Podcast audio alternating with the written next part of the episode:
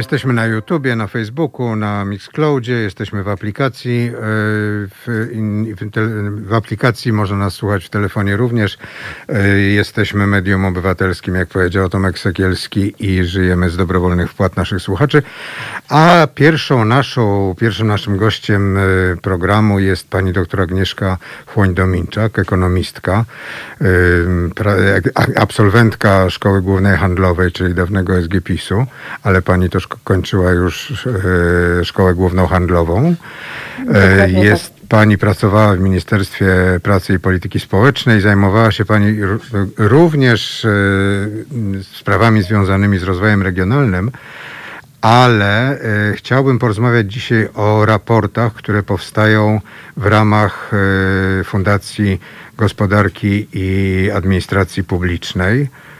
Powstało takich raportów e, już chyba sześć, jeśli ja dobrze, e, jeśli ja dobrze liczę, a te raporty powstają po wybuchu pandemii e, i są taką odpowiedzią na to, co, co się dzieje w rzeczywistości. Ci- Dokładnie tak. Mm, Czy mogłaby Pani powiedzieć o tych raportach coś więcej? Bo jest raport na temat gospodarki, samorządu, pandemii, szkół, kultury. Mm, Pani oczywiście jest współautorką raportu gospodarczego ze względów zrozumiałych e, i jednego z najciekawszych. Chociaż też jakby czuję się związana ze społeczeństwem i edukacją.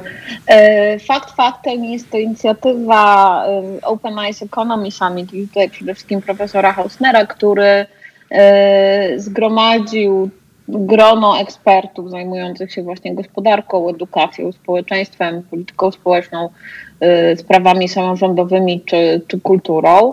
E, I te zespoły dosyć regularnie publikowały alerty. a- Mm, Alerty gospodarcze. Coś nam zginęło połączenie.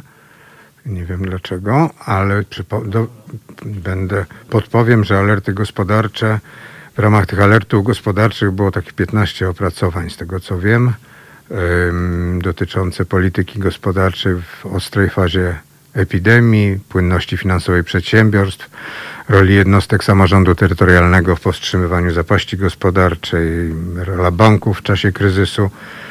No I szczególnie dotyczące bezrobocia i pobudzenia aktywności, aktywności zawodowej, tudzież e, funkcjonowania polskiej gospodarki w ramach warunkach pandemii na arenie międzynarodowej. Czytam też, e, jakie były jeszcze inne te mm, alerty. Mm, Scenariusz wzrostu polskiej gospodarki po pandemii, tylko też pytanie jest, kiedy pandemia się skończy. No i polityka pieniężna, tudzież inwestycje jako słabe ogniwo polskiej gospodarki, czy stabilność systemu bankowego. I to jest, te alerty mm, identyfikowały zagrożenia dla polskiej, gospo, polskiej gospodarki e, i od Eksperci formułowali tezy i rekomendacje odnoszące się do polityki gospodarczej czy działań jednostek samorządu terytorialnego. Czy udało się już nam.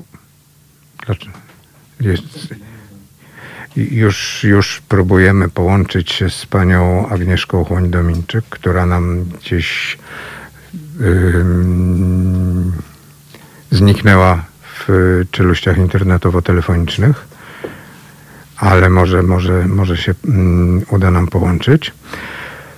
I w, ym, to, co mnie najbardziej zaintrygowało w raporcie gospodarczym, to są sprawy związane z, oczywiście z finansami publicznymi i z brakiem przejrzystości finansów, z deficytem strukturalnym y, i mm, również y, kwestią długu publicznego który w tej chwili wynosi ponad bilion złotych, bilion y, i bilion przecinek jeden biliona.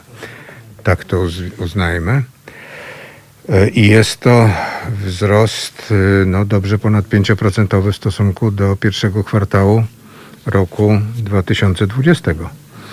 Czyli inaczej mówiąc, ten dług publiczny to jest, to są 33 tysiące złotych na głowę na każdą głowę, na każdą głowę, czyli na każdego z nas. Czyli jesteśmy zadłużeni 33 tysiące złotych ponad to, co mamy zadłużenie, jeśli mamy zadłużenie z własnych kieszeni.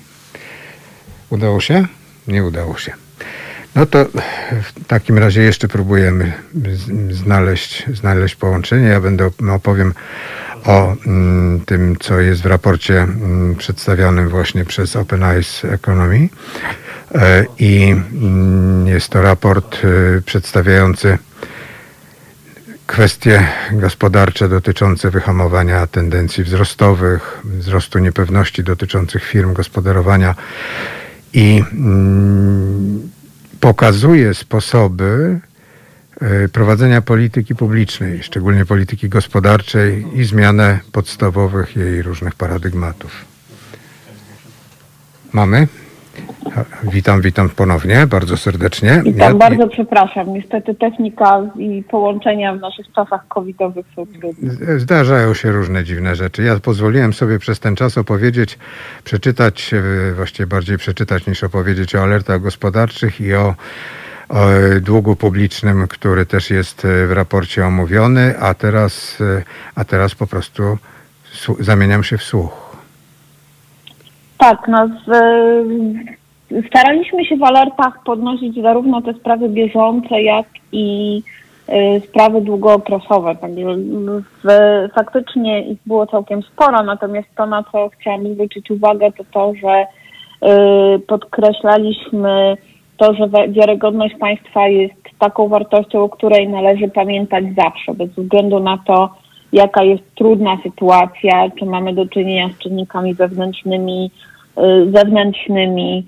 Y, tutaj bardzo ważne jest to, żeby stabilność polityki gospodarczej, polityki rynku pracy była taka, że osoby, które, czy przedsiębiorcy, którzy działają w czasami bardzo trudnych czasach, takich jak czasy pandemiczne, mieli przede wszystkim przekonanie dotyczące stabilności działania Y, struktur państwowych. Y, oczywiście raporty pisaliśmy w trakcie pierwszej fazy pandemii. Y, teraz obserwujemy drugą fazę. Raport powstał tuż przed tym, kiedy ta faza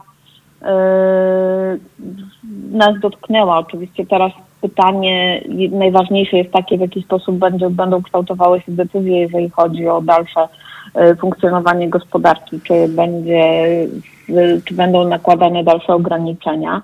Czyli, Stanie pewność... rozumiem, że, rozumiem, że można liczyć na to, że e, jak skończyliście Państwo jedną serię raportu, to za chwilę zabierzecie się za dalszy ciąg?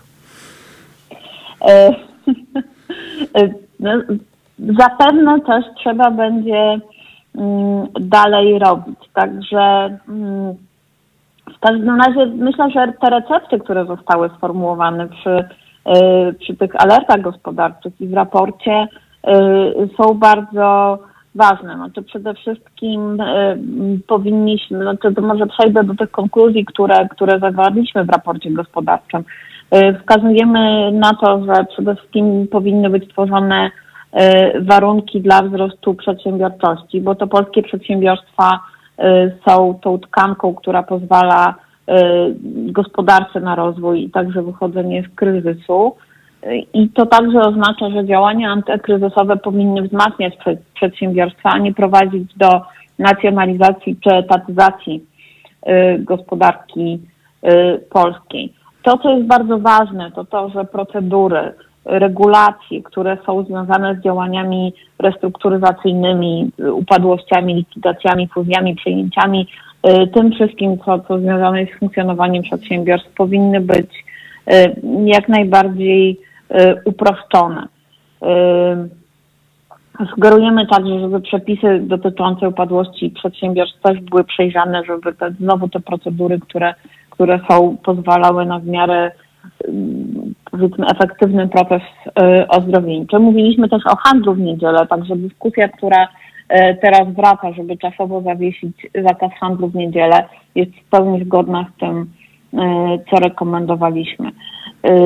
To, o czym też mówimy, to bardzo ważna stabilność prawa, otoczenia biznesowego, zmiany, które usprawniają procedury na rynku pracy, czy w dłuższym okresie zastanowienie się nad tym, jak funkcjonuje w Polsce klin podatkowy, co możemy zrobić, żeby Mm, tutaj przede wszystkim dla osób, które mają najniższe dochody, y, ten klin podatkowy zmniejszyć. A mogłaby Pani wytłumaczyć ten klin podatkowy? Klin podatkowy to jest y, różnica między tym, co pracodawca płaci za zatrudnienie pracownika, a tym, co pracownik dostaje netto. Czyli jak, mu, jak mamy... mój pracownik kiedyś dostawał 5 tysięcy złotych na rękę, to mu zawsze dawałem też informację, że z przeproszeniem te 5 tysięcy złotych mnie kosztuje, już teraz nie pamiętam, ale chyba 7,5 tysiąca. No około 7,5-8 tysięcy, dokładnie, dokładnie tak. I teraz jeżeli powiedzmy dostaje to pracownik, który zarabia 5 tysięcy na rękę, to ja zakładam, że to jest jednak pracownik, który ma wyższe wykształcenie, wysoki kapitał intelektualny i jest relatywnie wysoko produktywny. Jeżeli taki sam klin podatkowy jest nakładany na pracę szczególnie osób o niższych zarobkach, niższych umiejętnościach, niższym wykształceniu, to może się okazać, że no jest to za dużo, żeby go zatrudnić. Dlatego znowu to nie jest rzecz związana stricte z kryzysem i pandemią, tylko z tym, żeby rynek pracy funkcjonował jak najlepiej, w wielu krajach na świecie kliny, znaczy właśnie te obciążenia pracy w przypadku pracowników o niższych kwalifikacjach, niższych umiejętnościach są niższe, bo to też stymuluje popyt na pracę y, tych osób. Znaczy są niższe w wypadku, jeżeli się płaci pracownikowi mniej, czyli inaczej mówiąc, każdy pracodawca powinien, e, ja tu mogę, że herezję głoszę, ale e, każdy pracodawca powinien w tym wypadku starać się, żeby jak najmniej płacić, to będzie to jak najmniejszy koszt dla pracodawcy. Z jednej strony tak, ale z drugiej strony też oczywiście należy pamiętać o tym, że pracodawca, który płaci składki, podatki, pracownik, który płaci składki, to jest także zabezpieczenie tych pracowników, tak? I też musimy mówić o tym, że jednak wynagrodzenie powinno stanowić dochód, które no, pozwala w jakiś godny sposób utrzymywać się pracownikom, więc no, tu mamy też regulacje dotyczące płacy minimalnej i w żaden sposób tutaj nie sugerowaliśmy modyfikacji w tym zakresie. Bardziej chodzi o to, w jaki sposób skonstruować rynek pracy, żeby faktycznie on był bardziej efektywny. Y, trochę przestrzegaliśmy przed tym, że bezrobocie, które na razie jeszcze nie wzrosło w jakiś bardzo znaczący sposób, może y, w kolejnych miesiącach wzrastać i to też jest coś, do czego urzędy pracy powinny się przygotować. Bo ja mówię więcej o pracy, bo też tym się zajmowałam bardziej w, e, w przypadku naszych e, alertów gospodarczych. No w przypadku swojej działalności pracowniczej, znaczy, działalności naukowej również.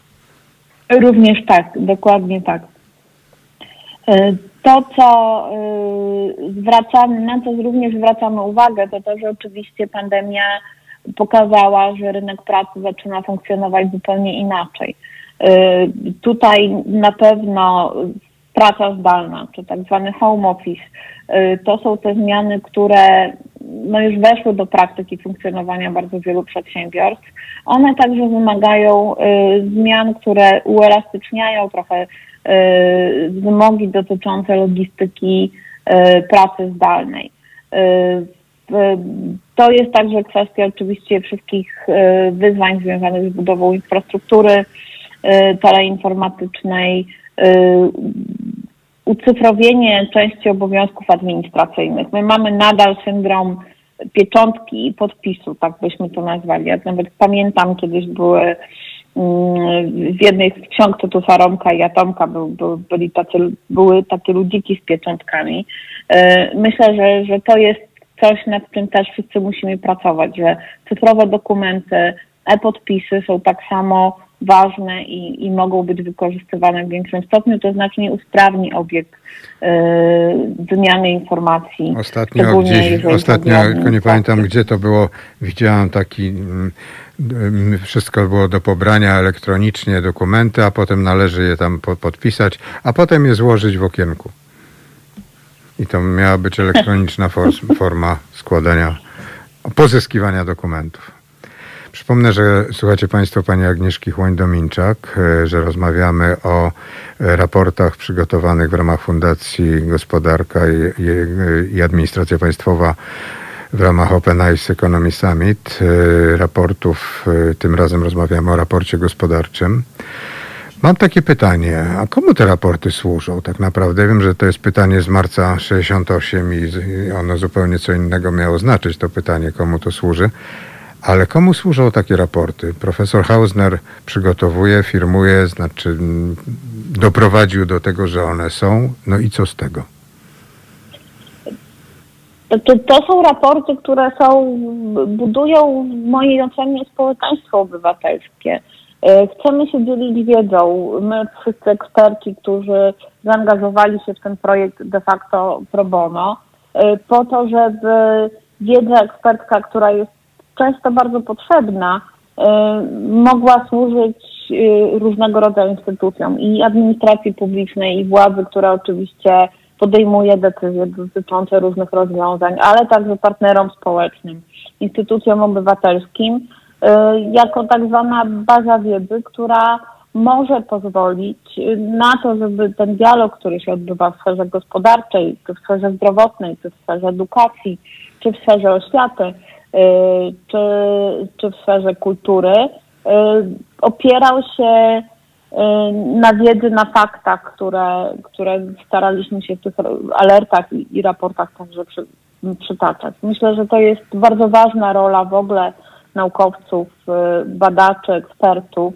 żeby taką wiedzą, doświadczeniem się dzielić, żeby faktycznie można z tego szerzej korzystać. Każda, ja osobiście jestem przekonana, że każde rozwiązania, które właśnie są oparte na wiedzy, doświadczeniu, y, evidence tak zwanym, jest ogromnie potrzebna, szczególnie w trudnych czasach, tak? Dlatego, że pandemia y, tak naprawdę uruchomiła sytuacje, procesy, z, który, z którymi nie mieliśmy do czynienia wcześniej, aż w takiej skali.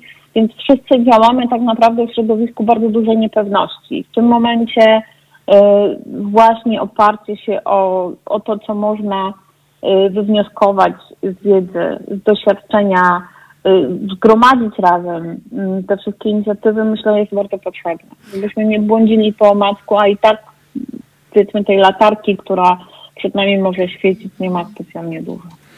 Y, czy myśli Pani, że mm, rządzący obecnie, mm, znaczy nie mówię, że korzysta, nie pytam, czy korzystają, ale po prostu no, przynajmniej zaglądają do tych raportów, żeby wiedzieć, co ich może spotkać? Nie mam pojęcia. Mam nadzieję, że tak. Nawet jeżeli się do tego nie będą przyznawać, to jednak, że mm, gdzieś w, w różnego rodzaju prasówkach czy informacjach, które dostają rządzący, także te nasze raporty się znajdują. Czyli inaczej można zakładać, że one mogą być podstawą do tworzenia, jeśli do czegoś dojdzie, jakichś alternatywnych rozwiązań w wypadku na przykład zmiany sytuacji politycznej?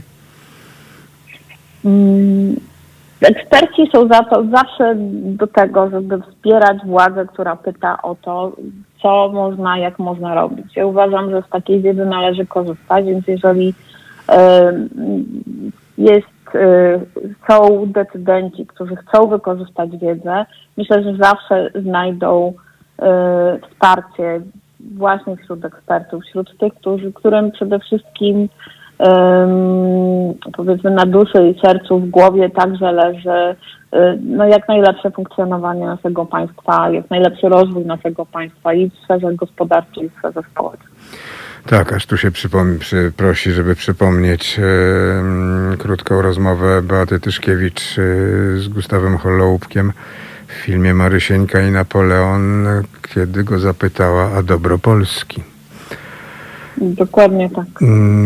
Pani doktor, czy, ponieważ wiem, że i mówiłem, że pani zaczyna 13.20 wykład zaraz, czyli za chwilę musimy skończyć.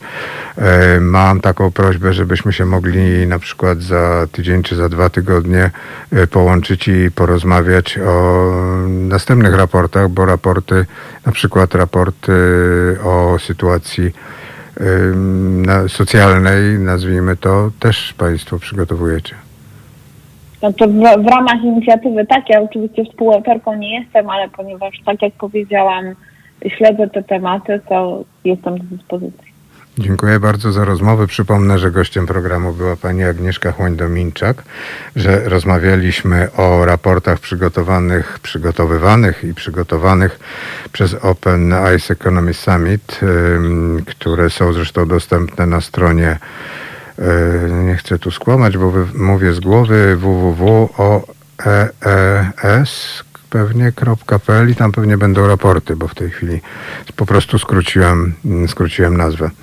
W każdym razie na pewno na stronie Fundacji GAP, czyli Gospodarka i Administracja Publiczna, one są. A teraz proponuję, tutaj było GAP, teraz będzie GC, czyli Obywatel GC. Słuchajcie, powtórki programu. Halo Radio. Pierwsze radio z wizją.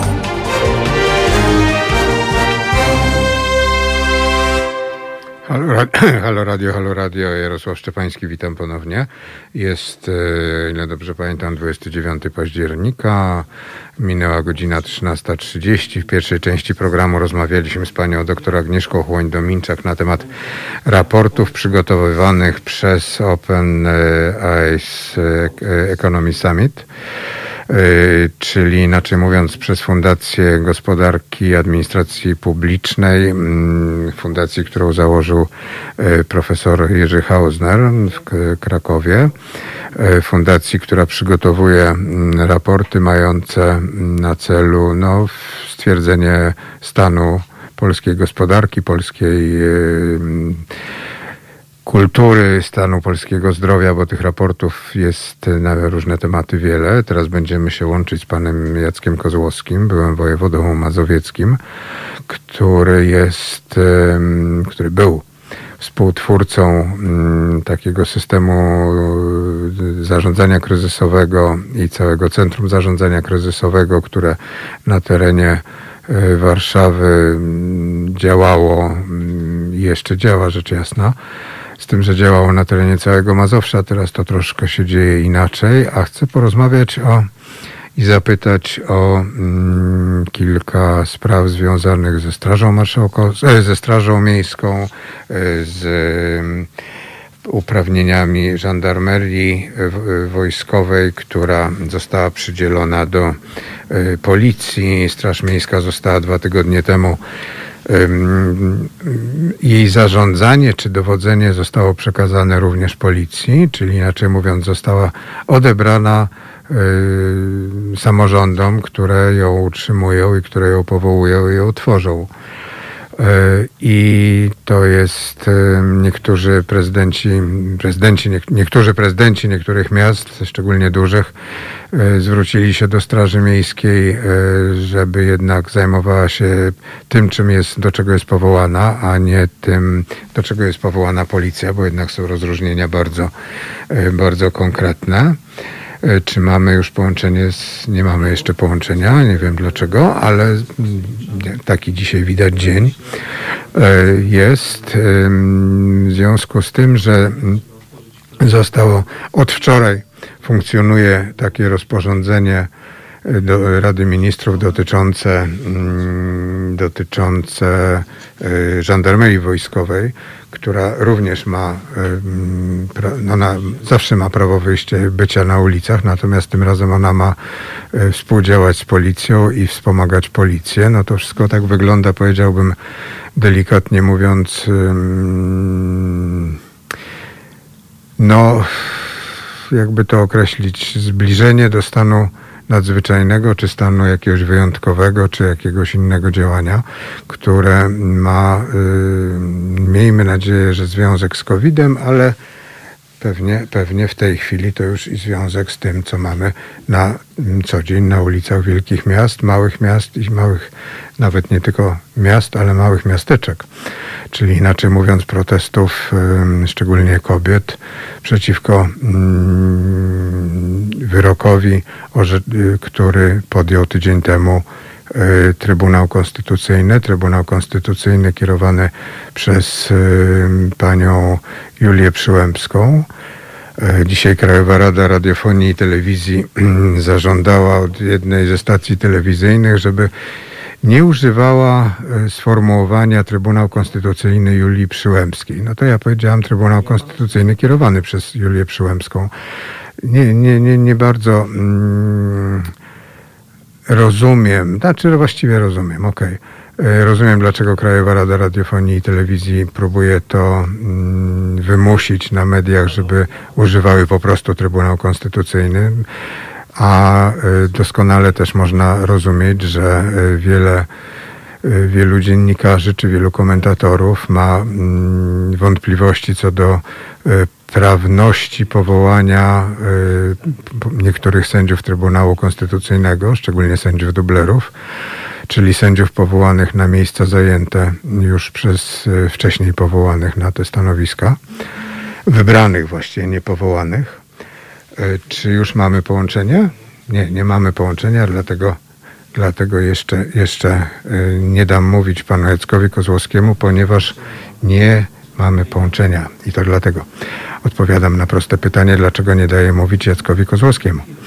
E, I, mm, i Trybunał Konstytucyjny, który wy, wydał wyrok tydzień temu, e, cały w pełnym składzie e, popełnił pewien prawny błąd, który mm, według niektórych prawników może być podstawą do tego, żeby ten program, żeby ten wyrok musiał być podjęty jeszcze raz ze względu na to, że w składzie sędziowskim e, była mm, jedna z e, osób, konkretnie sędzia Krystyna Pawłowicz, która jest podpisana pod wnioskiem do Trybunału Konstytucyjnego y, o zbadanie sprawy.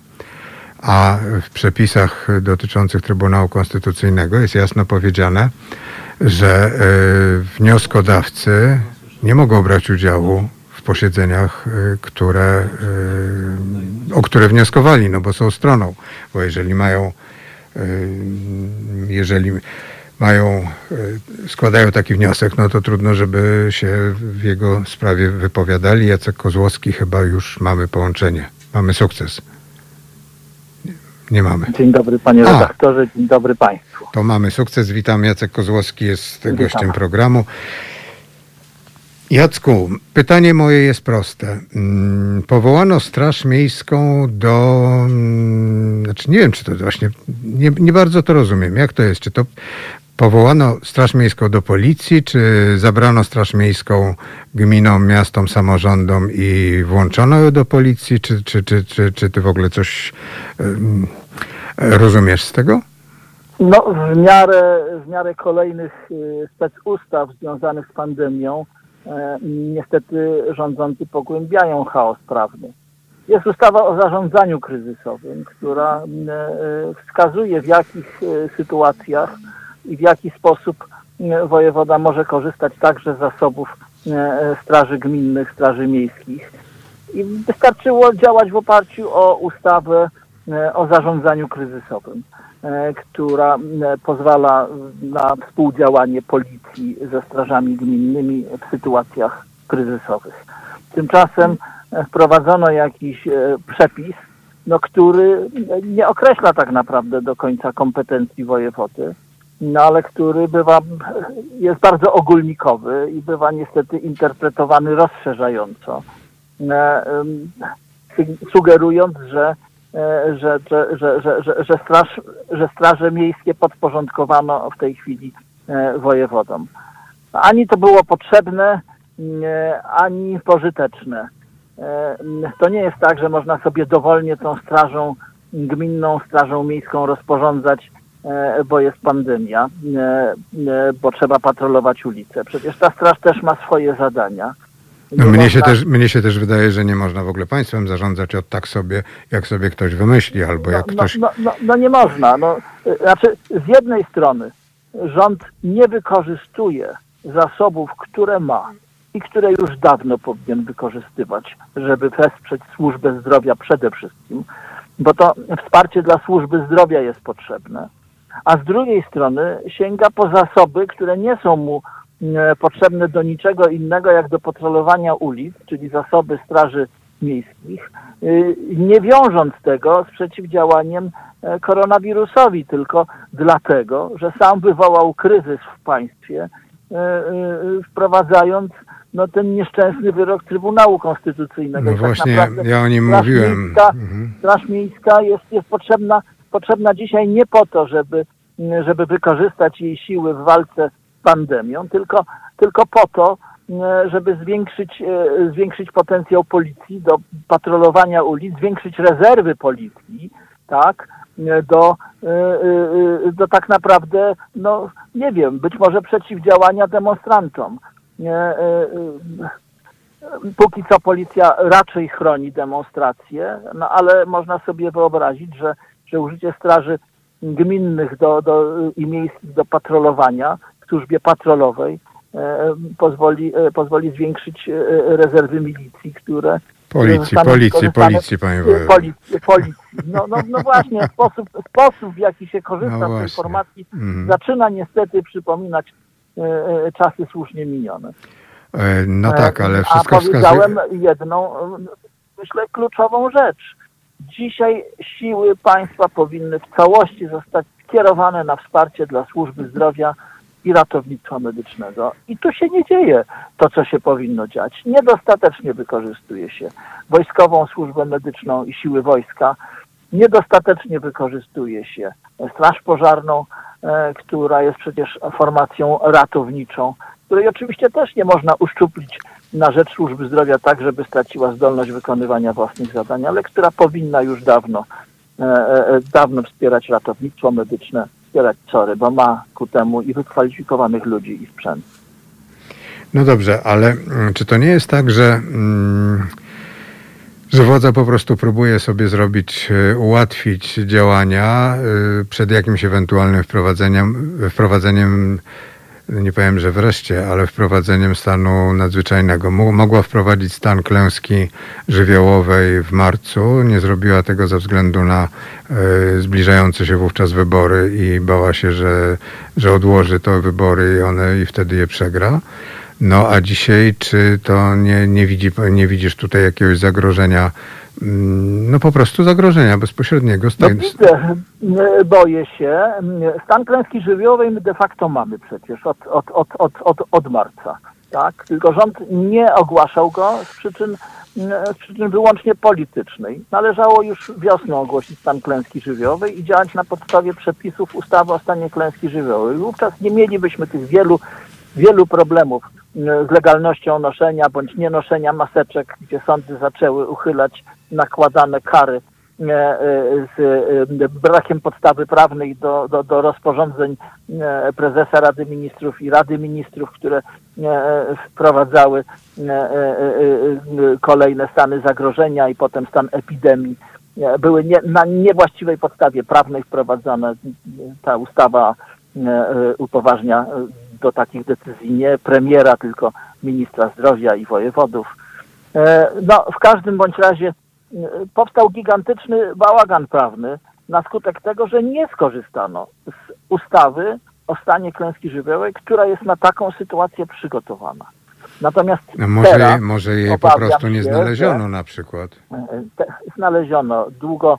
e, Problem polegał na wiosnę na tym, e, że nie skorzystano z tej ustawy, bo to zmuszałoby do przełożenia wyborów prezydenckich. No tak. A rząd i, i partia rządząca parła do, do przeprowadzenia wyborów prezydenckich jak najszybciej. I chyba No, wiedziała, e, co robi. E, Być może, być może. Y, y, W każdym bądź razie dzisiaj obawiam się, że rząd znowuż nie zmierza do wprowadzenia stanu klęski żywiołowej, który byłby właściwym rozwiązaniem w obecnej sytuacji, tylko rząd e, e, rząd coraz, e, e, e, czy rząd, czy, czy, czy, czy, czy partia rządząca, bo to stamtąd płyną sygnały, będzie chciał znowuż e, nagiąć prawo i ogłosić stan wyjątkowy, e, twierdząc, że, e, e, e, że demonstracje stanowią zagrożenie dla państwa. Walczyć należy z pandemią i nie powodować demonstracji. Znowu polityka e, zwyciężyła nad zdrowym rozsądkiem.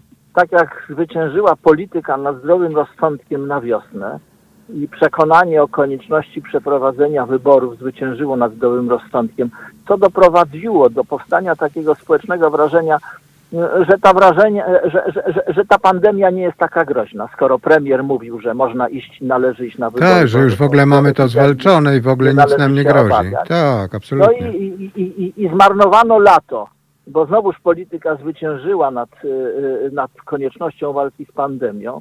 Y, Tym razem w lecie tygrysy, tygrysy, że tak powiem, wewnątrz PiSu skoczyły sobie do gardeł i, i, i, i, i Ziobro z Morawieckim walczyli o, o, o rekonstrukcję rządu, o, o, o wpływy. Zamiast zajmować się E, rozwijaniem zdalnego zamiast nauczania. zajmować się Mhm. przygotowania, przygotowaniem do, do, do, do, do, do otwarcia szkół w warunkach pandemii po wakacjach w taki sposób, żeby mogły działać bezpiecznie. Zamiast przygotować służbę zdrowia do drugiej fali koronawirusa, zamiast przygotować odpowiednie rozporządzenia prawne, to nagle się obudzono w momencie, kiedy ta druga fala się już rozpoczęła. Dopiero wówczas zaczął zbierać się rządowy zespół zarządzania kryzysowego, który powinien był się zbierać dużo wcześniej. Dopiero wówczas premier e, e, e, zaczął się zajmować pandemią, bo wcześniej zajmował się walką polityczną z ministrem Ziobrą.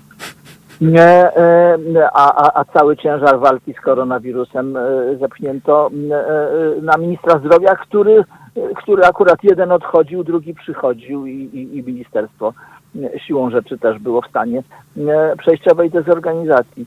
No to jest naprawdę państwo, które jest dysfunkcjonalne. No jest takie stare przysłowie, nie zmienia się koni w czasie przeprawy przez rzekę. Y, Szczególnie można, jedyny przypadek, kiedy to można robić, jak się je, je, jedzie pocztą węgierską, to znaczy inaczej mówiąc, jak się ma pod sobą dwa konie, na których się stoi, jedną nogą na jednym, drugą na drugim, to wtedy można nawet zmienić parę koni, ale trzeba troszkę to Ja, poćwiczyć. ja, ja nie chcę, nie chcę oceniać y, y, zmiany ministra. Nie mam danych po temu, aby ocenić ministra Szumowskiego i ocenić teraz obecnego nowego ministra zdrowia i ich skuteczność podejmowanych działań. Problem nie leży moim zdaniem e, e, e, w osobie ministra. Problem leży w czymś znacznie poważniejszym. W tym, że państwo polskie pod rządami obecnie rządzącej partii, pod rządami Jarosława Kaczyńskiego, zajmuje się de facto nie pandemią. Zajmuje się kolejnymi odsłonami walk politycznych, które samo wypowiada. E, Najpierw walki o wybory prezydenckie i o prezydenturę Andrzeja Dudy, e, potem walki wewnętrznej e, w PiSie o, o, o, o- potencjalne przywództwo po odejściu Jarosława Kaczyńskiego a teraz wreszcie walki politycznej, którą rząd sam wypowiedział połowie społeczeństwa, a być może większości społeczeństwa tym nieszczęsnym e, wyrokiem Trybunału Konstytucyjnego, który skoro tyle czasu odkładał rozpatrzenie tego wniosku, to mógł go na pewno spokojnie e, nadal odkładać. Wybrano najgorszy możliwy moment Albo najlepszy, albo najlepszy. wniosku. No, być może jest, jest w tym właśnie taka, takie, takie, takie drugie dno. Może właśnie, może właśnie o to chodziło, ale to pokazuje w takim razie skrajne lekceważenie dla życia, zdrowia Polaków. To No dobrze, można a czy- powiedzieć tak, ten czy- rząd, Mhm. ten rząd i partia rządząca Jarosław Kaczyński ma na rękach krew e, e, tych setek ludzi, którzy codziennie zaczynają umierać. No przecież dzisiaj liczba zgonów przekroczyła e, 300. No tak, To ale to jeszcze, to jeszcze nie są, to nie są jeszcze Zawinione przez to, że nie przy... To są zgony w dużej części zawinione przez to. To nie jest wynik demonstracji, tak, e, ponieważ demonstracje e, zaczęły się e, dopiero kilka dni temu. Minęło zbyt mało czasu, żeby demonstracje i ewentualne zakażenia na ulicach w trakcie demonstracji przełożyły się na zwiększenie liczby zachorowań. No może powoli zaczynają się przekładać, ale To na znaczy pewno ja tutaj zaprotestuję. jeszcze Na, Ja, ja tu na zaprotestuję. Nie. No, Bo- być może prawdopodobnie się Nie, nie, nie, nie. przełożyły Powiem na powiem dlaczego. Bo, Ale na pewno nie przełożyły się na liczbę zgonów. bo e, ja, dla Panie Jac- Jacku, dlatego, że e, jak była demonstracja agrounii, pierwsza demonstracja, to było chyba w zeszły wtorek, albo tydzień wcześniej, bo już się pogubiłem. E, to była to bardzo liczna demonstracja, bardzo głośna demonstracja. Policja się ewidentnie bała. E, natomiast e, odległości między ludźmi nie były zachowywane zupełnie. Znaczy tam po prostu był nie są człowiek przy człowieku. zachowywane. Przecież ja też uczestniczę w tych demonstracjach e, i przyglądam się im i widzę, że te odległości nie są zachowywane i, i nie da się ich zachować przy tego typu spontanicznym e, działaniu e, e, tys- tysięcy, dziesiątków tysięcy głównie młodych ludzi, którzy, którzy no, chcą mieć też to poczu- poczucie wspólnoty w momencie demonstrowania. To jest po prostu nie- niemożliwe, żeby zachować ten wymagany dystans w czasie tego typu spontanicznych, słabo lub w ogóle nieorganizowanych wydarzeń. Ale podkreślę jeszcze raz, minęło zbyt mało czasu od wyroku Trybunału Konstytucyjnego i rozpoczęcia się fali demonstracji, żeby one miały już statystyczne przełożenie na mm, wzrost zachorowalności, a już na pewno zbyt mało czasu, żeby miały e, przełożenie na wzrost liczby ofiar śmiertelnych. Nas dopiero czeka niestety e, e, zwiększenie tej fali, wywołane na pewno również, na pewno również przez demonstracje. I rządzący myślę, że byli w pełni świadomi e, tego, co robią.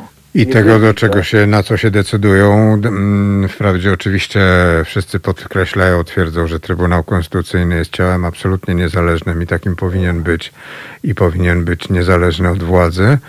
Natomiast, ym, no właśnie, pewne No, natomiast e, e, jest. e, Ja mam- Jarosław Kaczyński twierdzi, że, e, że jest niezależny i że ten wyrok musiał być e, e, taki, a nie inny. E, Jarosław Kaczyński e, e, e, e, wiedział, jaki wyrok ma wydać ten Trybunał Konstytucyjny. No, Wiedział już Kaczyński- wcześniej. Jarosław Kaczyński e, e, jest śmieszny e, e, w tym, co mówi. E, Bardziej było groźny, śmieszne. bardziej groźny Gdyby przez to było to. śmieszne. Mhm, To jest przerażające. To jest przerażające, że doszliśmy do takiego momentu, e, w którym polityk skrajnie, podkreślam, skrajnie niepe- nieodpowiedzialny, nie, opętany manią władzy. Nienawiścią E, do ludzi. Widziałem, e, widziałem na jednym z transparentów chyba bardzo celne hasło. Upity władzą. Upity władzą do nieprzytomności niemalże. E, Tracący kontrolę nad tym, co robi i tracący kontrolę nad potrzebą bycia odpowiedzialnym. Nie wiem, tak czy pamiętasz, y, nie wiem, czy pamiętasz film o dwóch takich, co ukradli księżyc, e, kiedy tam dwaj bohaterowie, których grali bracia Jarosław i Lech Kaczyński, Kaczyńscy, jeden do drugiego w pewnym momencie głośno m, krzyczy radośnie tylko osły do roboty e, i zajmuje się zupełnie czym innym, czyli to widocznie już tak jakoś mm, od dziecka miał tę umiejętność. Ja mam takie jeszcze pytanie. Przypomnę, że gościem programu jest pan Jacek Kozłowski, były wojewoda mazowiecki, e, specjalista od e, zarządzania kryzysowego. E, Ja mam takie pytanie dotyczące Stadionu Narodowego, bo mnie się to tak strasznie kojarzy. Stadion wypełniony ludźmi m, nie w celach sportowych, to mi się bardziej kojarzy z Chile i, czy z Grecją i z, ze spędzanymi na stadionach ludźmi, których się potem em, no, część z nich wykańcza na przykład.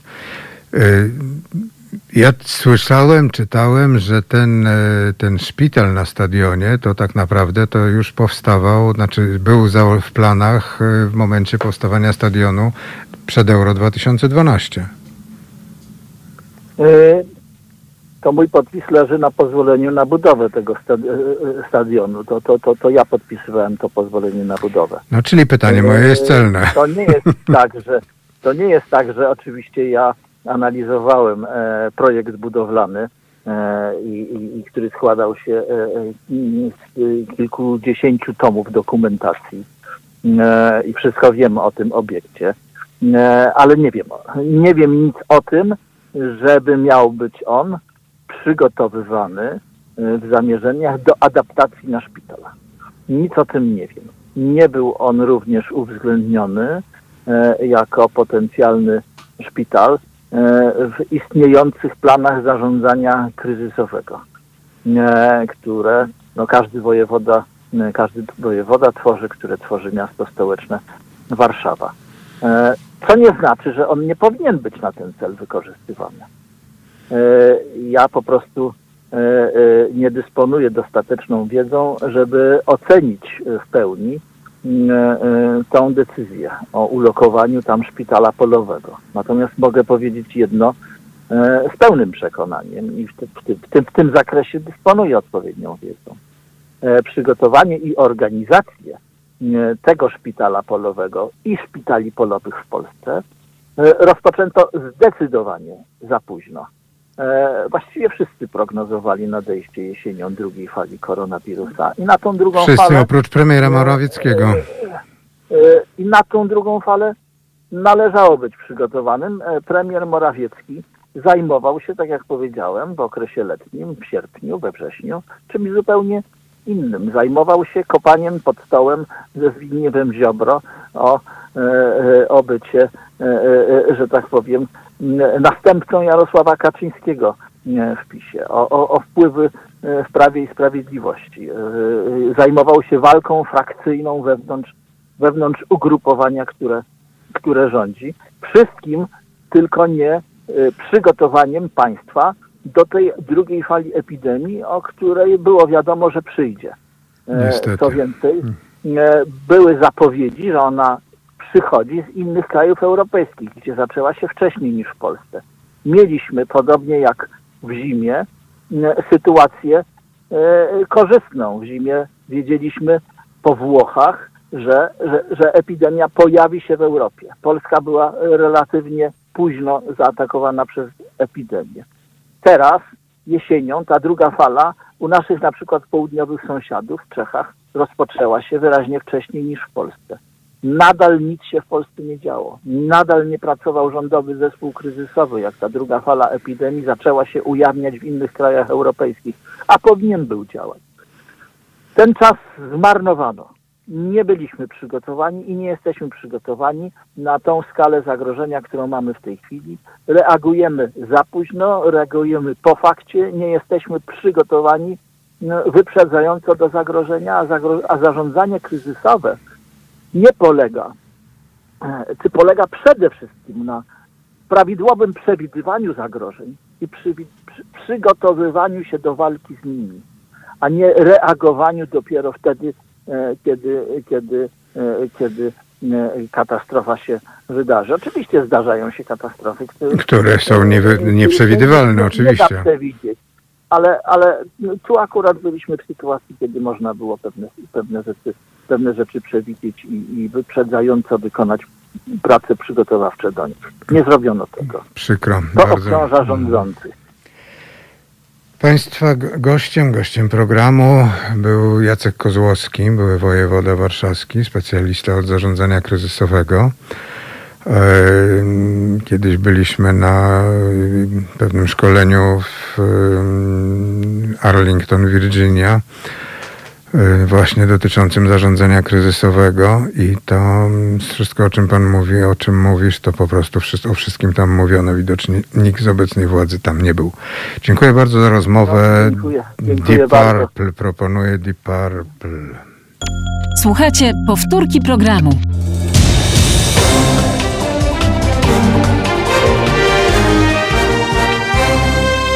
Halo Radio. Halo Radio, Halo Radio. Jest czwartek, 29 października, minęła godzina 14 i 2 minuty.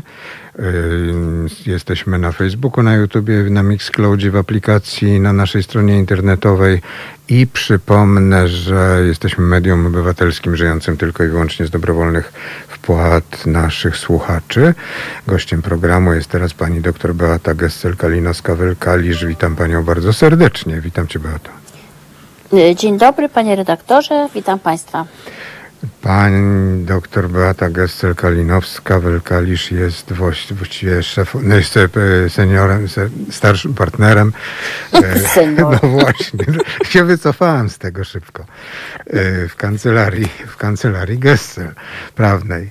I zajmuje się pani, zajmujesz się arbitrażem i I to jest samo w sobie, mm, wydaje mi się, bardzo, bardzo ciekawe. Co to jest ten arbitraż?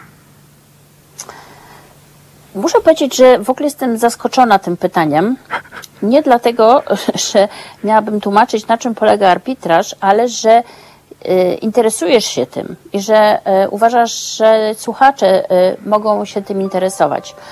Ja od wielu lat zajmuję się arbitrażem i staram się, żeby upowszechniać ten sposób y, rozstrzygania sporów, więc jest to dla mnie bardzo, bardzo ciekawe pytanie. I już mówię, na czym polega. To jest w ogóle, mm, można powiedzieć, najstarszy sposób rozstrzygania sporów. To jest system prywatny rozstrzygania sporów, co wydaje mi się, że dzisiaj jest bardzo istotne. E, Polega on na tym, że e, głównie przedsiębiorcy, bo to jest system rozstrzygania sporów skierowany do przedsiębiorców, którzy mogą sobie w sposób y, dla siebie odpowiedni ukształtować zasady, na jakich będą rozstrzygać swoje spory. Tu można cofnąć się do y, sądów Salomona. y, No. I to jest jakby ten, ta przypowieść z Salomonem to jest kwestia, jakby sama esencja arbitrażu. A mianowicie, kiedy strony mając jakiś spór, konflikt, starają się wybrać y, osobę, do której mają pełne zaufanie, która cieszy się dużym autorytetem i co do której nie mają wątpliwości, że ta osoba rozstrzygnie ich spór w sposób mądry i sprawiedliwy. I na tym też polega arbitraż. To znaczy, strony mogą same wybrać albo pojedynczego arbitra, albo wybierają tak zwanych arbitrów bocznych, czyli każdy wybiera jednego, a następnie ci wybierają swojego superarbitra, czyli arbitra przewodniczącego, wybierają swojego jakby sędziego w swojej sprawie i poddają się jego jurysdykcji. Na tym powiedziałabym, że y, polega arbitraż jako taki. Ale muszą E, chcieć. Po pierwsze, muszą chcieć się dogadać w jakiś sposób. Bardzo dobre spostrzeżenie. Przy czym Dziękuję. e, dogadać się co do tego, że chcieliby w ten sposób rozstrzygać swoje spory, najczęściej dokonują tego w samej umowie, czyli zanim spór powstanie. Bo kiedy już spór powstaje, to z reguły już trudno się stronom dogadać co do czegokolwiek, aczkolwiek takie sytuacje też bywają. Natomiast z reguły strony umawiają się na arbitraż na, mm, na, na etapie podpisywania umowy, z której ewentualnie spory mogą powstać. A ja mam I takie. Tak, i cisza, cisza, cisza, bo to jest cisza, cisza jest w tym momencie prawie, że aktorsko zaplanowana. Bo mam pytanie troszkę z grubej rury. Czy gdyby strona, która wędruje po ulicach od tygodnia, czyli nie chcę używać, że kobiety, bo tam jest mniej więcej jeden do jednego, tylu samo facetów, co, co kobiet. E, ale ci, co wędrują po ulicach i protestują, e, tudzież tańczą poloneza, pięknego poloneza wczoraj miałem pod oknem, zatańczonego na placu Tak, widziałam go, Zawiszy. na, widziałam go w, w komputerze, też na mnie zrobił duże wrażenie. Mm, Powiem szczerze, że jak go, nak- że tak powiem, że użyję słowa nakręcałem, czyli inaczej mówiąc trzymałem telefon, to, to mi się prawie, no łzy w oczach to nie, ale, ale takie, takie, takie ściśnięcie gardła miałem. E, Natomiast czy gdyby dwie strony, czyli ta strona, nazwijmy ją uliczna, plus druga strona uliczna, czyli agrounia, czyli rolnicy, którzy walczą o swoje wieprzowinkę, wołowinkę i, i, i ten, i futerka e, utrzymanie. I strona, która jest w Sejmie, czy właściwie nawet nie w Sejmie, bardziej w rządzie, czyli inaczej mówiąc większość parlamentarna, by powiedziały, okej, to my pójdziemy na arbitraż. To czy to coś takiego mogłoby wystąpić? Myślę, że to jest Nie mówię o charakterze, no, o charakterze mojego imiennika, bo o tym rozmawialiśmy przed chwilą z Jackiem Kozłowskim, e, ale to jest dość trudne, ale no właśnie, no właśnie. Ja powiem tak, to jest uważam bardzo ciekawa propozycja i nawet kiedy mówimy o tych korzeniach arbitrażu, to one tak naprawdę odnoszą się do sporów granicznych. To są spory pomiędzy państwami. Zamiast iść na wojnę, to rozstrzygnijmy spór o granicę na podstawie właśnie arbitrażu. No to właściwie arbitrażu. cały, cała Afryka, czy cały kawałki Azji, Górski Karabach, czy tego typu, czy, czy, czy już nie mówię o Kurdach. Powiem tak, nie zawsze się to udaje. Powiem raczej, że rzadziej się udaje, że się nie udaje. e, co jest związane chyba z naturą człowieka, ale e, to jest, ja uważam, że to jest bardzo, bardzo dobra e, kwestia do przedyskutowania. W Hadze jest stały sąd arbitrażowy, który w ogóle rozstrzyga tego typu spory, prowadzi spory arbitrażowe. Zresztą niektóre z naszej współczesnej historii spory były tam rozstrzygane. Tu może przypomnę taki spór, kiedy po upadku Jugosławii był spór między Chorwacją i Słowenią. I w 2017 roku, czyli niedawno, ten spór został rozstrzygnięty, kiedy w drodze arbitrażu przeprowadzono granicę, dostęp do Adriatyku e, i granicę w Zatoce Piran. Więc to pokazuje, że nawet w bardzo e, konfliktach, które są bardzo napięte, jest bardzo dużo emocji, bo jak wiemy, no Bałkany to nie są nieemocjonalne spory, e, ten sposób rozstrzygania sporów arbitra poprzez arbitraż może zafunkcjonować taki, ja myślę, że w naszej sytuacji byłaby to w ogóle świetna sprawa, dlatego że w tej chwili zarówno ta strona, która maszeruje po ulicach, jak i myślę, że strona rządowa nie za bardzo są w takim impasie. Tak nie za bardzo, wydaje mi się, że są w stanie, e, e, znaczy ja nie wiem w jaki sposób można rozstrzygnąć ten spór jako prawnik, tak, bo no mleko się już wylało, orzeczenie Trybunału, decyzja Trybunału została już podjęta. To jest właściwie kwestia tylko tego, kiedy rząd opublikuje tę decyzję, a jak wiemy, nie wiadomo, czym opublikuje, czy nie opublikuje. Historia zna przypadki, że rząd nie publikuje orzeczeń. Ale to jest też yy, błąd i tak nie powinno się dziać, żeby nie publikować. Oczywiście, że tak.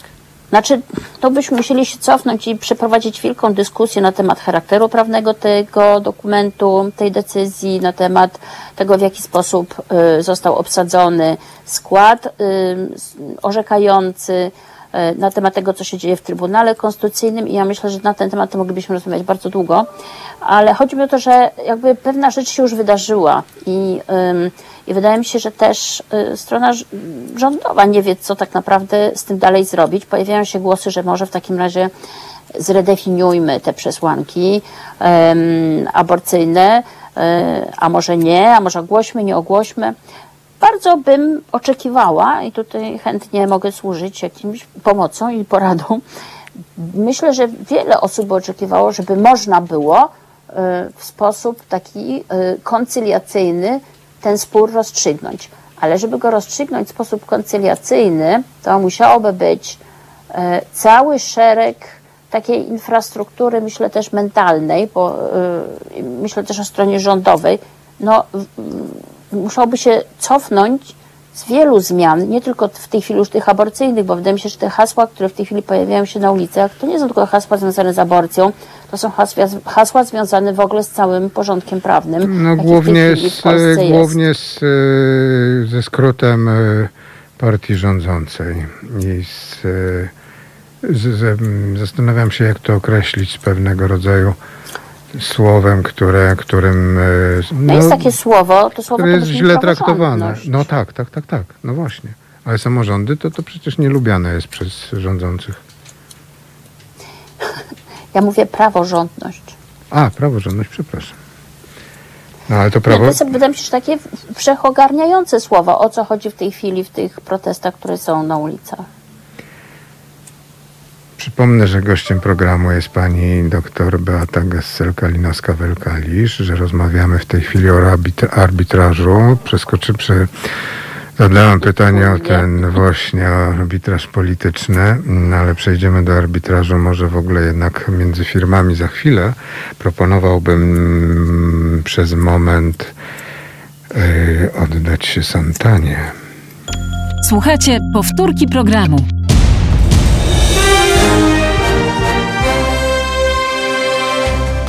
Halo Radio. Gadamy i trochę gramy.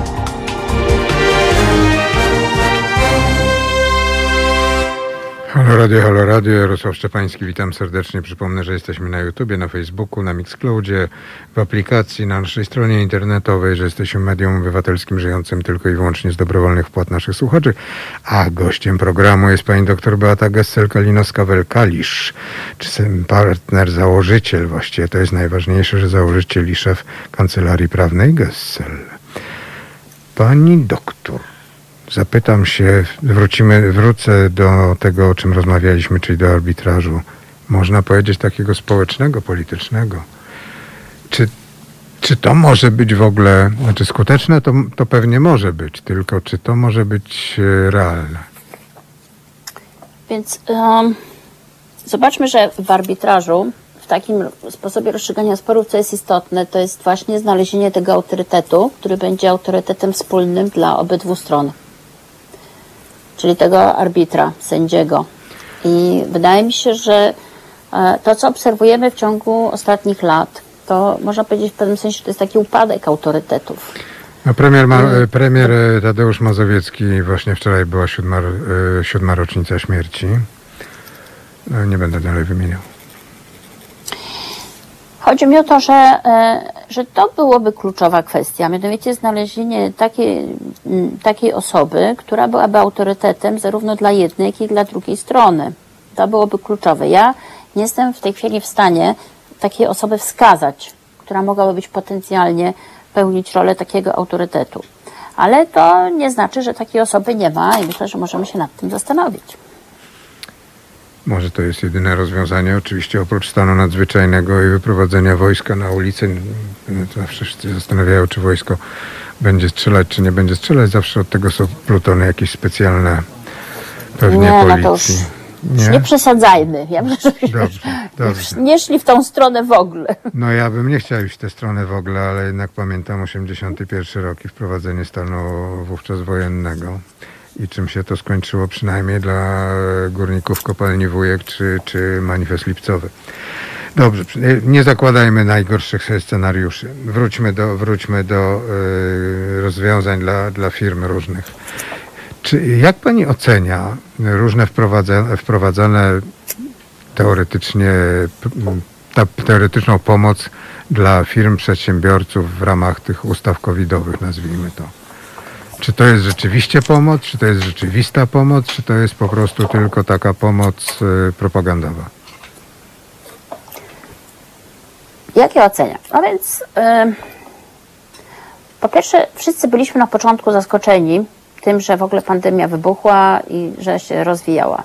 I y, po kolei te tarcze, które były wprowadzane, e, miały za zadanie wspomóc przedsiębiorców. Ostatnia, ostatnia, e, ostatnie ograniczenia, które zostały wprowadzone, czyli mówię w tej chwili o y, fitnessie, siłowniach, o restauracjach, właściwie zostały w tej chwili wprowadzone bez żadnych, e, bez żadnych ochron, bez żadnych mechanizmów ochronnych dla tych prowadzących.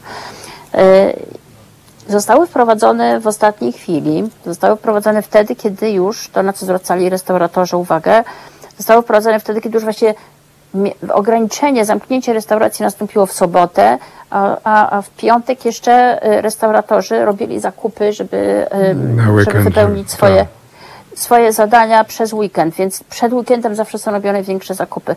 Więc z, wszyscy zostali zaskoczeni i to jest jakby taka ogólna rzecz, która mnie bardzo y, irytuje, ponieważ ja wiem, że y, pandemia to jest coś, czego nie można zaplanować. Ja wiem, że nie można przewidzieć dokładnie, w jaki sposób ona się będzie rozwijała, co się będzie działo, ale pewne jakby y, kierunki można było y, i naukowcy na to zwracali uwagę, w jaki sposób ta pandemia będzie mogła się rozwijać.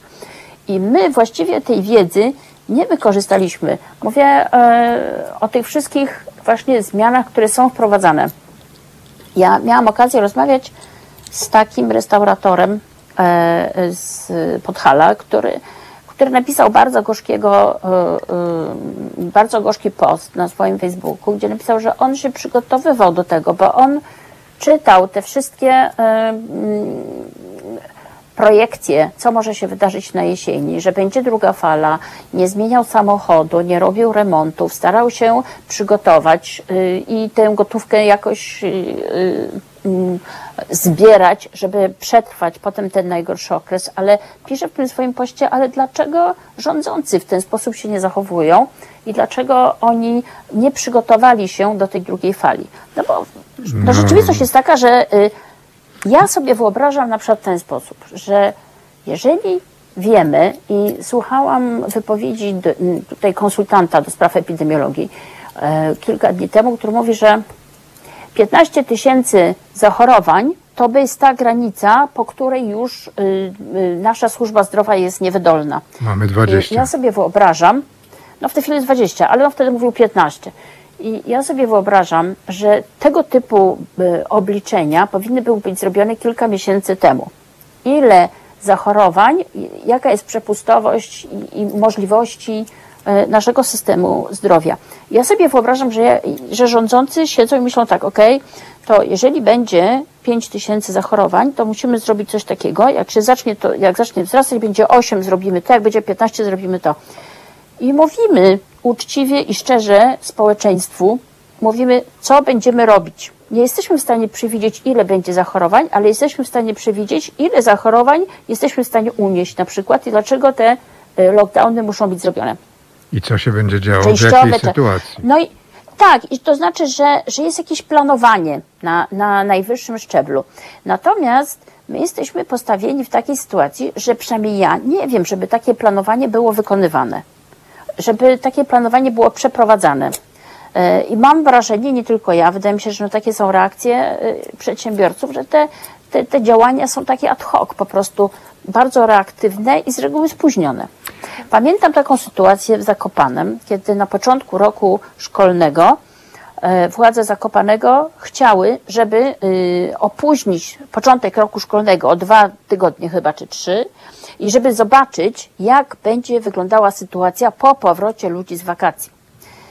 I wtedy Sanepid się na to nie zgodził. Nie wiem dlaczego. Znaczy, telefonicznie się nie zgodził, a potem chyba kurator y, Małopolska e, chyba zainterweniowała, ale może tak nie było. W każdym razie na początku telefonicznie władze Zakopanego dostały zgodę na to, żeby opóźnić ten rok szkolny, a potem ta zgoda została cofnięta. Pewnie i wyleciał teraz- ten z sanepidu, kto wydał zgodę przez telefon.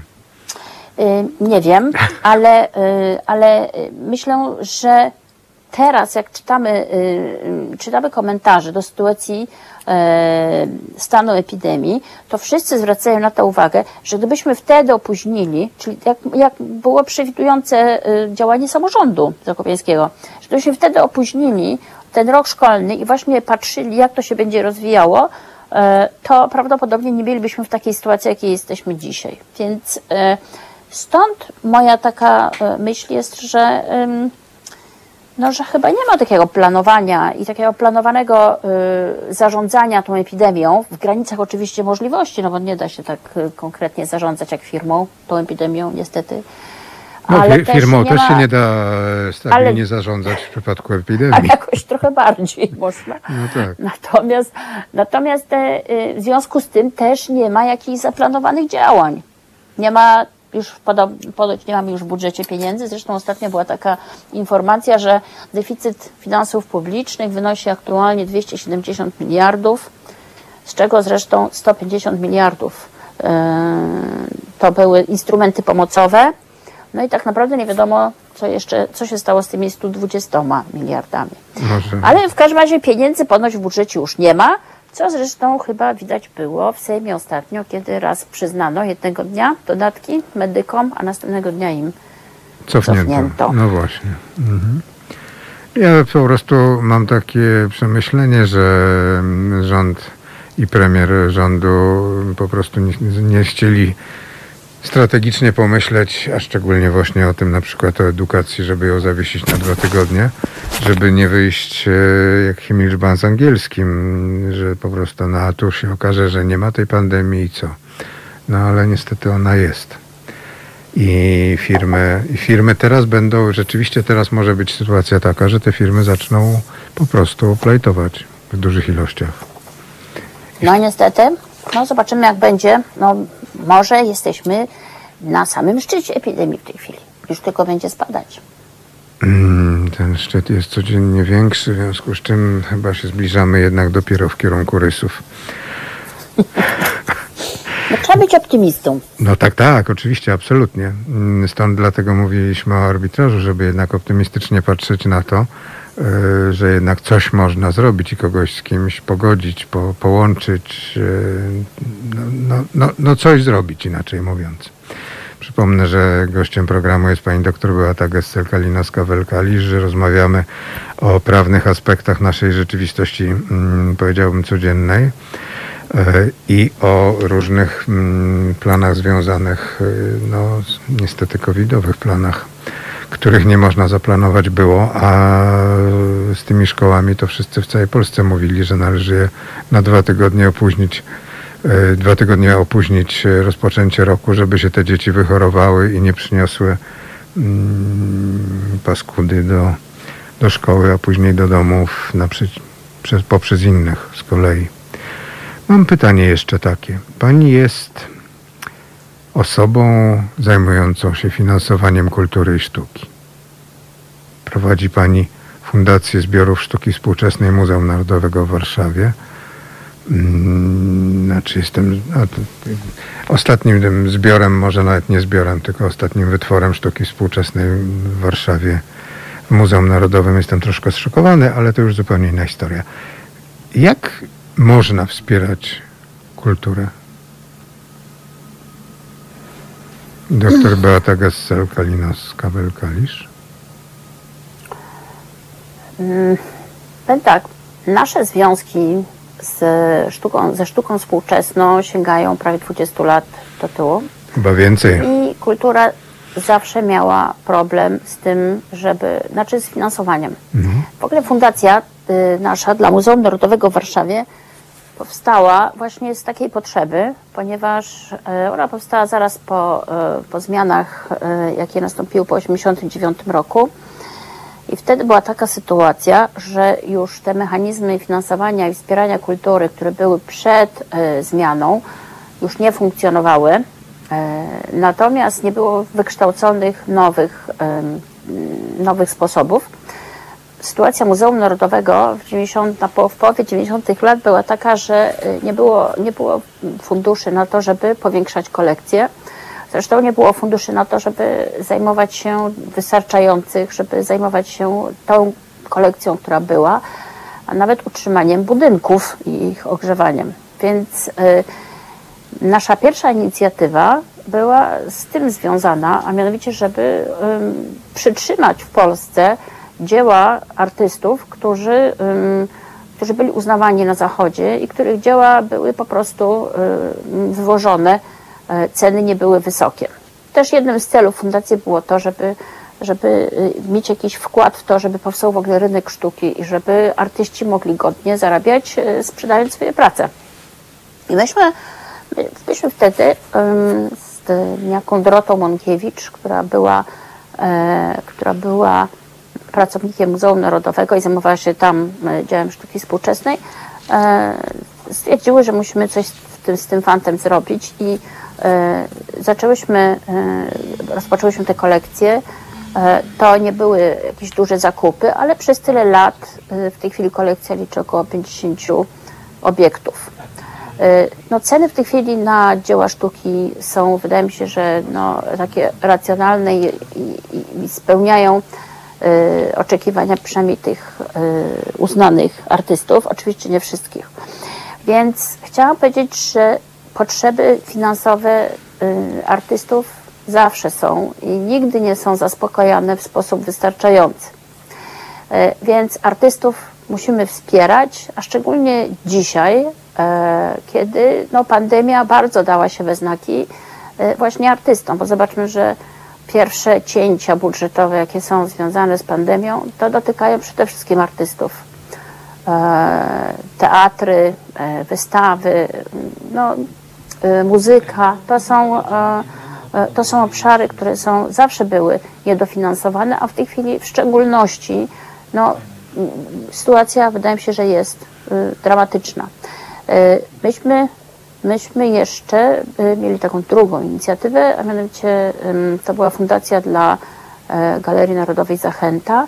Tym razem to nie było wspieranie artystów jako takich, tylko postanowiliśmy wesprzeć teoretyków sztuki, którzy wydaje mi się, że jeszcze trudniej im jest o, y, o jakieś dofinansowanie niż samym artystom. Y, I to jest fundacja, która jest, która y, ma taki program y, stypendiów dla za najlepszą pracę magisterską nagroda i stypendium dla e, doktorantów, którzy zajmują się właśnie teorią sztuki. E, To są ci młodzi, przyszli krytycy sztuki.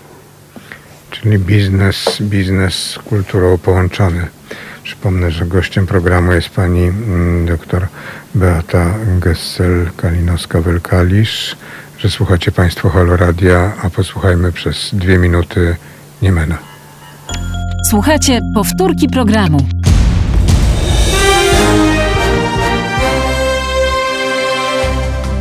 Halo Radio. Pierwsze medium obywatelskie.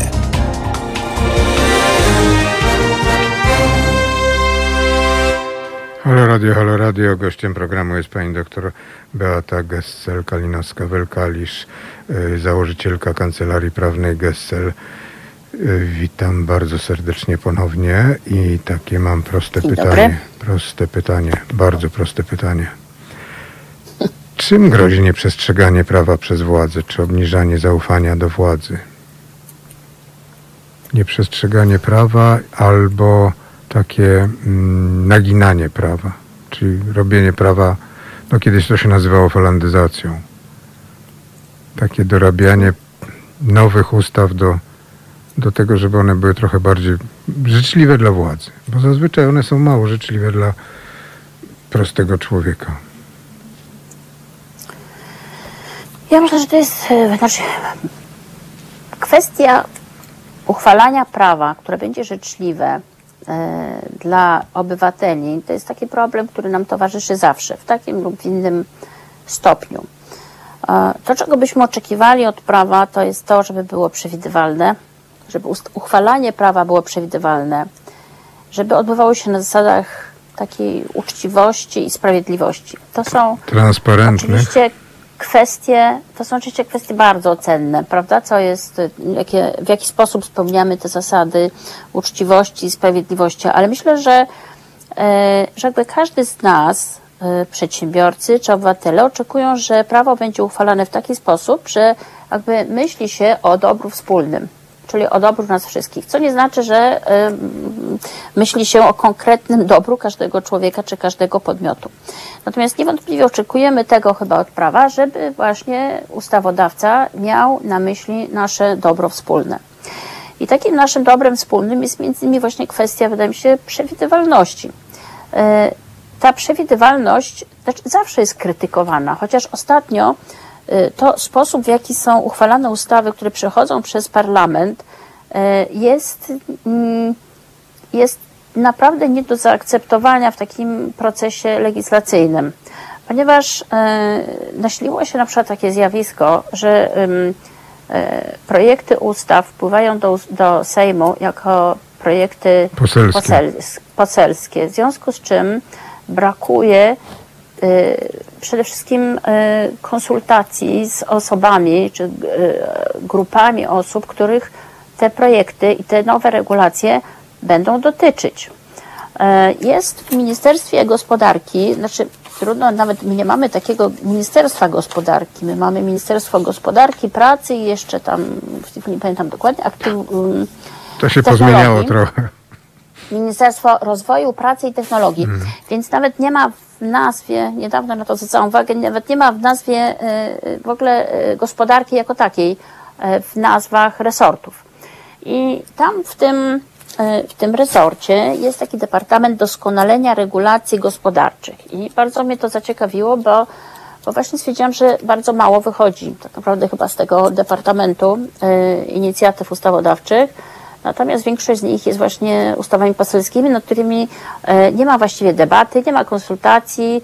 E, No mnie akurat oczywiście interesuje bardzo środowisko przedsiębiorców, bo, bo, bo ten rodzaj prawa uprawiam.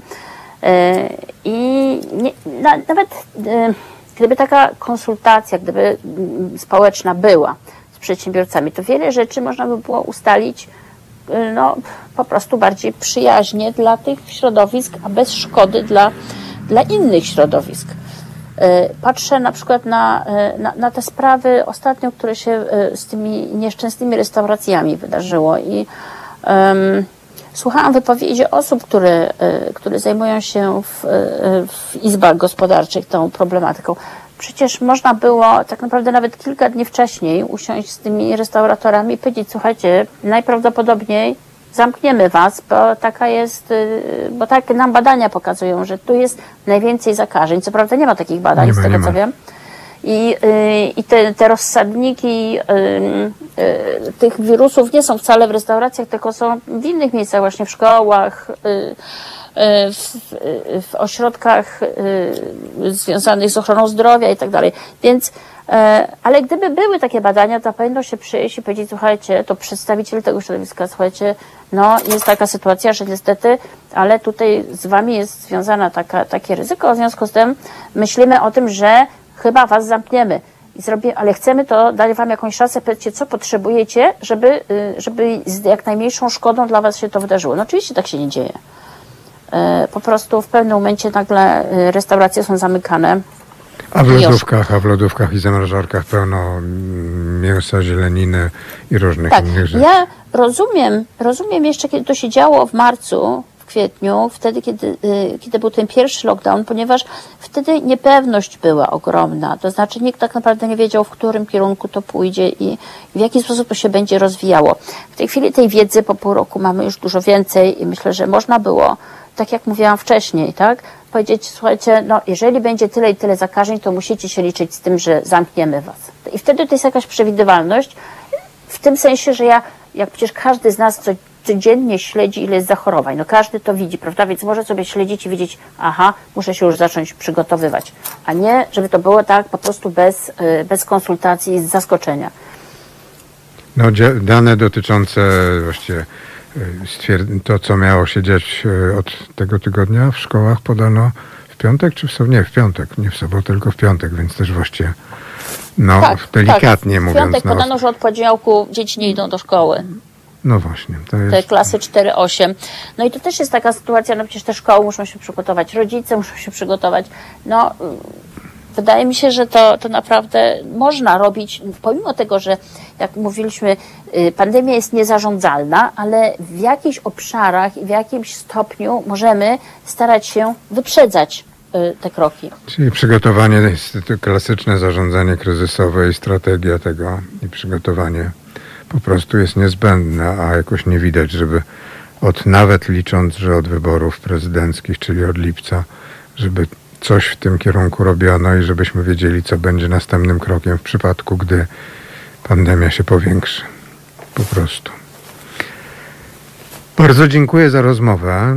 Pani dr Beata Gesel-Kalinowska-Welkalisz była gościem programu. Jesteśmy w Halo Radio, przypomnę. Dziękuję pięknie. E, Rozmawialiśmy o mm, rzeczywistości dnia codziennego i jeszcze o niej porozmawiamy. Mam nadzieję, że przyjmie Pani zaproszenie do programu za par kilka tygodni. Z przyjemnością. Dziękuję, pięknie za zaproszenie. Teraz proponuję, Dziękuję do widzenia. Proponuję widzenia. posłuchać Pink Floydów, a jednocześnie bardzo dziękuję za taki układ muzyczny, który nam się dzisiaj udało zrobić, bo to taki układ, który jest y, taka muzyka, która była ulubioną muzyką jednego mojego przyjaciela, co właśnie w zeszłym tygodniu umarł. I to taki może być w formie, nazwijmy to, nekrologu z podziękowaniem. Jarosław Szczepański, dziękuję, do usłyszenia.